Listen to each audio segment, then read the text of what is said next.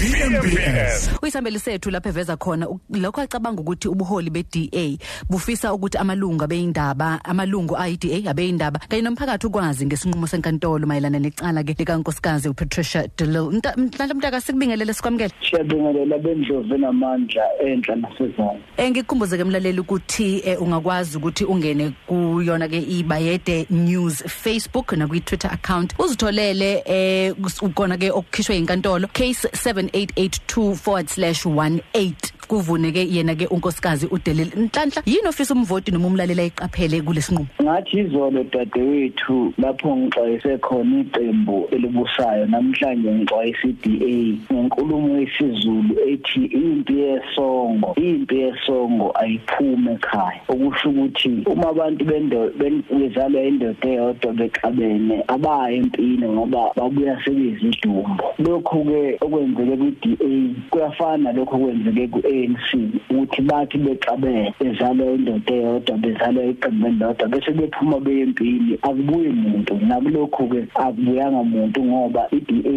igcemeke njengeqembu enenhlwantwala esinqumeni esingase uma ngase aba- amalungu e-DA adiniwe noma ano double T's afuna ukulivusa angasebenzisa lesinqumo senkantolo. Kakhulukazi uma engabuka isinqumo esithinta ukuthi iqembu leli lenze iphutha elikhulu lokuthi lingawulandeli umthetho sisekelo walo. Uma ubuka lesinqumo senkantolo abalaleli abangaya kosibheka manje ku Facebook lebayede kanye ne Twitter account yami siveza ukuthi ubuholi be-DA be- bube budedengu ekuthenini buhlalise ithimba noma isigungu esizobuka udaba likankosikazi uDelile kodwa lelo thimba lingahlangene ngokomthetho we-DA okwesibili inkantolo yabuye yaveza ukuthi amaphuzu u10.5.1 no.2 we-constitution ye-DA i-DA iwuphulile yona uma ilungisa noma izama ukulungisa udaba lukankosikazi uDelile lokhu kuchazani na kumuntu nje odlulayo noma kwe-DA uchaza ukuthi umuntu oke wagwetshwa yileli komiti ethe inkantolo amikho emthethweni. Angakwazi le nkantolo aphinde athi isinqumo esithathwe i-DA ngaye asikho emthethweni. Ngamafuphi? Lokho kwenzekela i-ANC kwaZulu Natal abantu bayise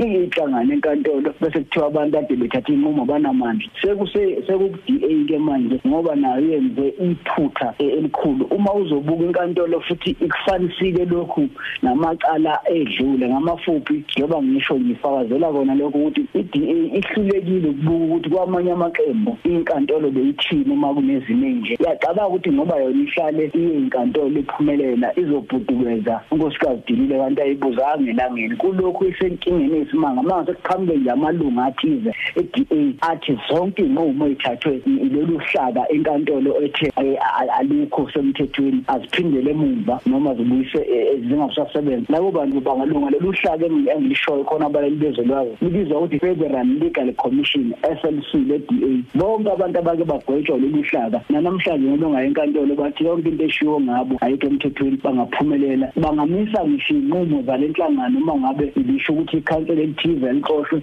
noma umuntu osephalamende othize akaxoshwe noma umuntu othize angafaka ohlwini. Uma kuye kwasho le-commission nje ngole sinqumo senkantolo bonke labo bantu kufanele babuyele emsebenzini noma i-DA bancaphezele yengithi isenkingeni emangalisayo i-DA manje ke yena unkosikazi uPatricia de Lille ikusasa lakhe kuyona lenhlangano eh linjani? Sike sabona eh, kuphawulwa indaba yokuthi hayi la esikhundleni sokuba umeya usezoba umeya nje ozokwazi ukuthi alimele idolobha kodwa ngeke saba nawo amandla ukuthi athathe izinqumo izinto ezifana nalezo zi- zichaza ukuthini ngekusasa lakhe? Ubuhlakani babameli bakankosikazi uDilile kufuneka iqiniswe kakhulu ngoba into abayenzile nje bathe bacela i- i- icala lithi ukuhlehla. Ngoba lihlehla nje lizobuya ngolwezi kuyobe sekuphisele inyanga eziyisithupha noma ezinhlanu ukuthi siye okhethweni lukazolonke ngamafuphi bazolokhu belihlehlisa kuze eh, u- unkosikazi Dilile akwazi ukuyilungisa kahle ukuthi athathe isinqumo sokuthi uyafuna yini ukungenela ukhetho njengeqembu ayimele yena ngoba angakwenza ukwenzela lokho. Bukhona ubufakazi bokuthi unabo abantu abamesekayo kakhulukazi eh laba kubizwa ukuthi ngamakhaladi. Ingakho ezolobe elihlehlisa aqhubeka bemeya. Ngakolunye uhlangothi aqhubeke enze inhlelo ezingenza ukuthi uma ethatha isinqumo sokuthi uyasuka